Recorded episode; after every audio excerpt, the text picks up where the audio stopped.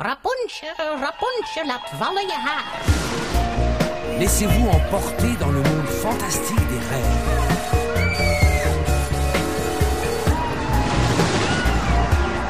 Immer an den Mäusespeck! Het is weer ochtend in Pretparkland. Goedemorgen pretparkland en welkom bij je ochtendelijke pretpark Mijn naam is Arne Taats en Tom van Lievering en ik zijn vanochtend in het Sprookjesbos van de Efteling.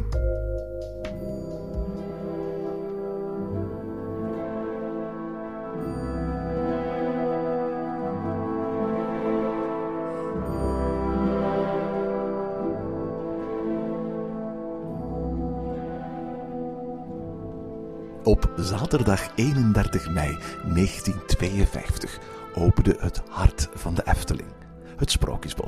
Een door Anton Pieck en Peter Reinders ontworpen oase van groen, waar tussen de bomen de vijf torens van het kasteel van Doornroosje priemen, waar de wolf op jonge, roodgekapte meisjes en op onschuldige ganzenborden geitjes uit is, en waar elk kwartier de oneerlijke klechtslimme toon de bel luidt van de magische klok. Hier verwarmt een eenzaam klein kind zich aan de gloed van zwavelstokjes. Hier woont diep in de put vrouw Holle. Hier dansen betoverde elfjes in een Indische waterlelies de nacht door. Het Sprookjesbos is sinds de opening in 1952 steeds groter geworden. Wat begon met tien uitbeeldingen is nu een lijvig levend boek om door te wandelen met bijna 30 sprookjes. In Ochtend in Pretparkland trekken we regelmatig naar het Sprookjesbos om er telkens één van de sprookjes van dichterbij te bekijken. En vanochtend staan we stil bij Rapontje, een van de volwassen sprookjes van de gebroeders Grimm, waarbij het hoofdpersonage niet alleen samenhokt met een prins, maar er ook een kind mee krijgt, net als in Repelsteeltje. De moeder van Rapontje wordt betrapt als ze veldslaag gaat stelen in de tuin van een toverkool, die haar betrapt en als straf haar nog ongeboren kind opeist. Dat meisje, Rapontje, wordt opgesloten in een hoge toren zonder deur en zonder trap. De heks brengt Rapontje elke dag eten door via haar vlecht naar omhoog te klimmen. Wanneer een prins dat ontdekt en verliefd wordt op Rapontje, neemt de heks wraak. Ze snijdt Rapontjes vlecht af en laat de prins naar omlaag vallen wanneer hij bijna boven is. Gemakshalve laat de Efteling het feit dat Rapontje intussen zwanger is geworden weg. Net als Disney trouwens, die het sprookje onder de titel Tangled verfilmde in 2010. Tom en ik wandelden naar de middeleeuwse toren die zich sinds 2001 in het hart van het Sprookjesbos bevindt en keken en luisterden naar het sprookje van Rapontje. Goedemorgen Tom. En een heel goedemorgen, Erwin. Zeg, de vorige keer hadden we het over de papegaai. Eh, we zijn amper 50 meter verder gewandeld. We zitten nu op het bankje recht tegenover ja, de enige echte grote toren van het eh, Sprookjesbos. Hè? Ja, van het ene sprookje naar het andere springen we bijna 50 jaar vooruit in de tijd. Inderdaad, ja. Uh, en we kijken hier naar de toren waar we het sprookje uitgebeeld zien van uh, Rapontje. Ja, en je zegt bijna 50 jaar in de tijd, want de papegaai waar we het in de vorige aflevering van uh, het Sprookjesbos over hadden, was geopend in 1952. Dit sprookje is geopend in 2001, dus, dus, dus letterlijk um, ja, één jaar voor de 50ste verjaardag. Hè? Ja, maar Efteling is, we durven al eens vaak af te ronden hiermee. ja, inderdaad. Ja. We houden op 50 jaar. Het is het, uh, een ontwerp van Ton van der Ven. En ook al heeft hij uh, voor 2002 zich nog wel een beetje bezig gehouden met uh, het, het, het Efteling Theater. En, ik zou je eigenlijk kunnen zeggen dat de harlekijn die daar op het, op het plein staat voor het Efteling Theater het, het allerlaatste beeld is dat door Ton van der Ven zelf voor de Efteling is ontworpen. Ehm, kunnen we eigenlijk wel zeggen dat dit het allerlaatste sprookje is dat Ton van der Ven aan het Sprookjesbos heeft, heeft toegevoegd. Ja, en, en tegelijkertijd tijd is dit ook uh, uh, het, uh, een sprookje waar op de oude manier werd gewerkt binnen de Efteling. Dat is één, één creatieveling die echt één project volledig van A tot Z kan afwerken. Daarna is er veel meer uitbesteed aan verschillende creatieve mensen. Ze moesten eerder als een groep iets gaan uitwerken. Ehm, eh, dit is eh, hoe sprookjes ontstaan zijn. Jarenlang in het, uh, sprookjes was één creatief directeur die alles in handen had van A tot Z. En, en dan enkele bouwvakkers die een toren gingen metselen. ja, absoluut, absoluut. En dus ja, je, je, je, twee figuren. Hè? De figuur van Rapunzel die bovenin de toren zit als een, als een gezonde Brabantse meid. En dan een, een oude, een knoestige heks die zich onderaan de toren schuilhoudt in een, ja wat zou het zijn, een soort van achter een soort van vreemd muurtje. Daar moeten we het straks nog eens eventjes over hebben. En dan af en toe uh, zich laat zien als ze via de uh, gouden vlecht van Rapunzel naar omhoog klimt. Ja, echt. Maar het, is, het is wel een, een, een heks zoals een heks moet zijn, vind ik. En, en geldt voor, qua visuele aspecten eigenlijk voor heel het sprookje. Hè. We zien uh, een, uh, een, uh, een Duitse toren, echt zo, de, die, die letterlijk uit een boek van de gebroeders Grimm komt gesprongen. Hè, dan zien we nu de heks naar boven klimmen. Dat is zoals een heks moet zijn, echt. Ze lijkt een beetje echt wel qua gezicht op de heks van Hansje en Grietje. Hier een beetje verder in het Sprookjesbos, vind ik. Um, Heel erg knobbelige handen en knokige benen. En, en, en vooral ook haar, haar, haar, hele, ja, wat zijn het, sokken of schoenen of laars. Haar hele verfomfaaide schoentjes en haar gescheurde kleren die ze om zich heeft. Het is een opvallende, uh, lugubere verschijning hier in het Sprookjesbos. Hè? Ja, en zo moet het zijn. Uh, en ook op de toren, de, de klimop, zo de, de, de, de dorre, donkere uh, klimop, heeft, heeft ook zo wat, het roept zo wat de, de, het, het verborgen op, het, het verlaten op, het verre. Uh, in het verscholen in het bos uh, gevoel op. Uh, dus qua visuele aspecten heeft, is dit echt 100% een sprookje. dat is met, met, met deze al deze elementen samen. Weet je wat ik, weet je wat ik zo, zo, zo, zo knap vond van, van de Efteling vroeger? En ik beschouw nu eventjes 2001 echt als, als vroeger. Hoe ze op het moment dat ze een sprookje moesten uitbeelden, dat ze echt dachten aan...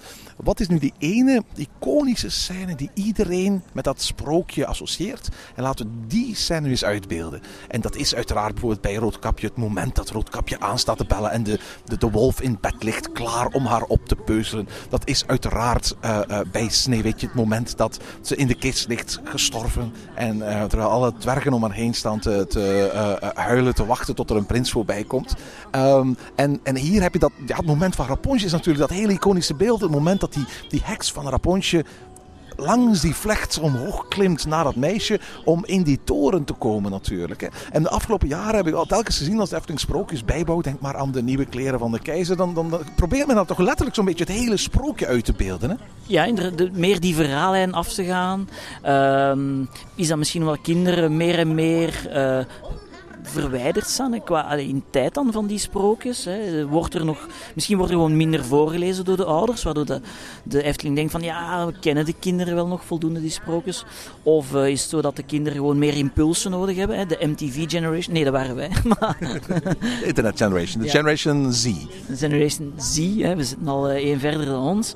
Um, uh, en, en wat wat mij ook nog meer opvalt, maar we hebben dat ook al een aantal keer vermeld eigenlijk in de podcast, met name ook bij Roodkapje, dat is dat uh, meer en meer wordt gekozen om de happy endings te tonen bij, uh, bij de sprookjes. En, en hier, als we naar de toren kijken, ja, we weten niet goed wat gebeurt er. Je moet al gaan luisteren naar het ondersteunende verhaal hier, om, om te weten waar gaan we naartoe, wat gebeurt er en hoe loopt het uh, af. Gewoon met ernaar te kijken, ja, is het eigenlijk vrij akelig voor kinderen. Hè. Ze zien hier een heks naar boven klimmen wat is er gaande? Wat gebeurt er?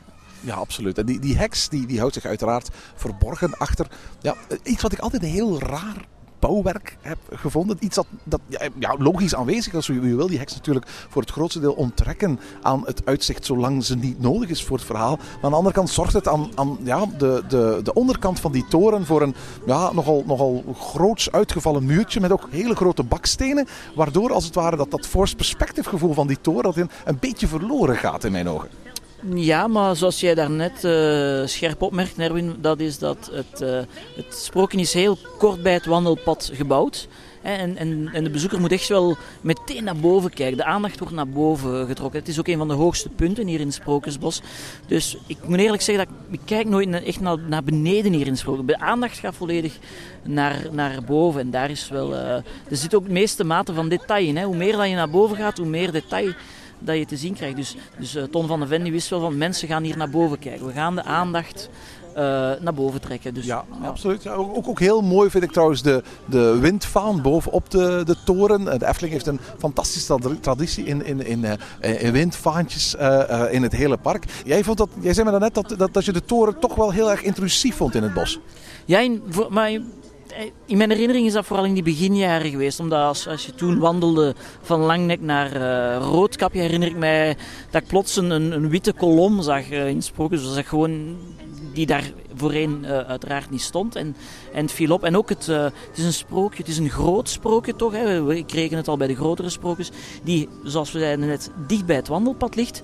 Eh, maar auditief is het ook heel erg sterk aanwezig. Het is Je hoort het al van heel ver, hè? ja, en ik heb altijd zoiets gevonden, een, eh, ik wil voor een sprookje staan en dan wil ik op, op dat moment enkel met dat sprookje bezig zijn. En dan wil ik nog niet te maken hebben met andere sprookjes, of de andere sprookjes mogen nog niet verklapt worden. En dat gevoel bij Rapunzel heb ik hier toch wel, eh, toch wel regelmatig gehad. Maar het is, een, het is een kwestie van gewenning, ik ben eraan gewend. En eh, wat we te horen krijgen, hè, onder andere het, de, de stem, het verhaal hier, is op zich wel, wel heel mooi en, en, en voor mij op en top Eftelings. De, de meest zoete, gevoelige stem van de Efteling, hè? Ja, Wieteke van Dort. Ik ben, ik ben fan, ik geef dat toe. Ik, eh, voor, eh, zij is voor mij de Efteling-stem. Ehm, dus zij brengt mij meteen aan mijn kindertijd. Zij is voor mij hoe een sprookje moet voorgelezen worden. Eh, ehm, eh, van, mij, mag zij alles inspreken. Ja, ja, ja, ja, Je kunt ze horen uiteraard eh, bij Roodkapje. Eh, je kunt ze eh, horen bij, in de put van vrouw Holle. Je kunt ze horen bij de rode schoentjes. En je kunt ze ook horen eh, in het Lavelaar. Was eigenlijk het verhaal verteld van het, eh, van het Lavelaar. En ook op de cd waar eh, die verhalen op zijn uitgebracht.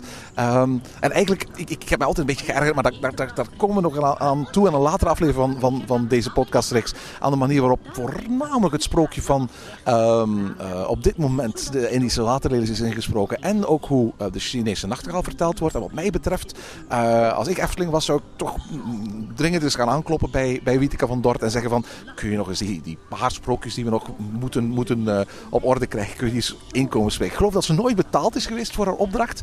Ehm, eh, althans, eh, niet met geld. Nee, op een heel originele manier. Hè. We hebben begrepen dat zij een levenslang abonnement hier heeft gekregen. Dus ze komt regelmatig langs. Dus Hey, voor een levenslang abonnement lees ik ook alle sprookjes in over de Efteling. ja, ik, bij mij zal dat niet zo goed lukken, denk ik. Maar eh, ehm, Oh, je weet. het is, het is, bij deze is eigenlijk een uitnodiging aan de Efteling en aan Witteke om, eh, om eens rond de tafel te gaan zitten en, en daar toch eens over na te denken. Ja, absoluut, absoluut. Het is, het is, eh, het is, ik denk dat dat toen, toen in 2001, want ik was er toen bij toen, toen dit sprookje eh, werd voorgesteld aan de, aan, aan de pers en genodigden. Toen voor het eerst als het ware die knop werd aangezet en het, het sprookje, de, de, de, de stem van, van Wietke van Dort hier door het sprookjesbos ging klinken, hadden, hadden wij, en dan heb ik een aantal andere liefhebbers van de Efteling die er toen ook bij waren, echt zoiets van, wauw, wat een geweldige keuze om, om Wieteke van Dort dit sprookje te laten vertellen. Het was alweer een tijdje geleden dat haar stem nog in het sprookjesbos te horen was geweest. Dat was, het was, tien jaar geleden, want het Lavelaar was eigenlijk het laatste wat ze gedaan had. Dus dat, dat was echt een, een, een verademing en een hele juiste keuze. En eh, toen aan het eind van de jaren 90 de Efteling eh, nieuwe sprookjes toevoegde in de vorm van de Chinese nachtegaal en eh, het, kasteeltje van de stiefmoeder van Sneeuwwitje en de herberg van Ezeltje Strekje, vonden het allemaal een beetje onbegrijpelijk dat ze daar gekozen hadden voor drie verschillende vertellers die elk op, op, op hun eh, manier hun, het verhaal vertelden. En niet altijd even sterk, terwijl ze wisten dat Wieteke van Dort dat zo geweldig goed zou doen. Hè? Ja, ik, ben het daarmee eens. Zoals ik zei, ik ben echt, echt wel fan. Maar nu dat we erover nadenken, misschien overal dezelfde stem, dat brengt natuurlijk die diversiteit een beetje weg. hè. Wel, we willen niet dat Peter Reinders verdwijnt natuurlijk. Nee, nee, onder andere niet. Eh, ja, bij elk sproken hoort natuurlijk wel een bepaalde intonatie van stem, misschien een bepaalde stemming. Ehm, ja, het is, ehm, laat ze gewoon eens rond de tafel zitten. Er, zijn, er is zeker nog plaats voor haar. Ehm, en intussen genieten wij. Het is trouwens eh, een, een verhaal en met de muziek, de achtergrondmuziek hier vind ik ook heel mooi. Dat is een speeldoosje, wat je onder andere bij Diorama hoort, maar ook bij het Kabouterdorp. Ook iets wat ik typisch associeer met de Efteling. Ik kan er niet naar luisteren, gewoon in mijn iTunes of zo, dat soort muziek. Maar, maar, maar als achtergrondmuziek bij de Efteling vind ik het op een of andere reden heel erg feeriek. Ja, absoluut. Dat is een enorme meerwaarde. En ik, dit is uh, echt iets dat, ze wel op, uh, dat ik graag op een Efteling-CD uh, als straks zou zien uitgebracht worden. Ja, maar ik geloof dat gesproken. Er zijn, er zijn een aantal um, geluidstracks van de Efteling ooit uitgebracht op CD. Ook van Wieteke van Dorp, waaronder bijvoorbeeld dat van de rode schoentjes en dat van Vrouw Holle. Maar Rapunzel is nooit uitgebracht op CD. Nee, dat vind ik jammer. En dat is misschien voor een volgende CD wel een, wel een heel goed idee. En tot zover deze aflevering van Ochtend in Pretparkland. Heb je vragen of opmerkingen? Mail ons dan via ochtend.pretparkland.be. Meer informatie over onze podcast vind je terug op www.pretparkland.be en nieuwe afleveringen download je via onze website of via iTunes. Ochtend in Pretparkland is de pretparkpodcast voor vroege vogels. Bedankt voor het luisteren en maak er een fijne dag van.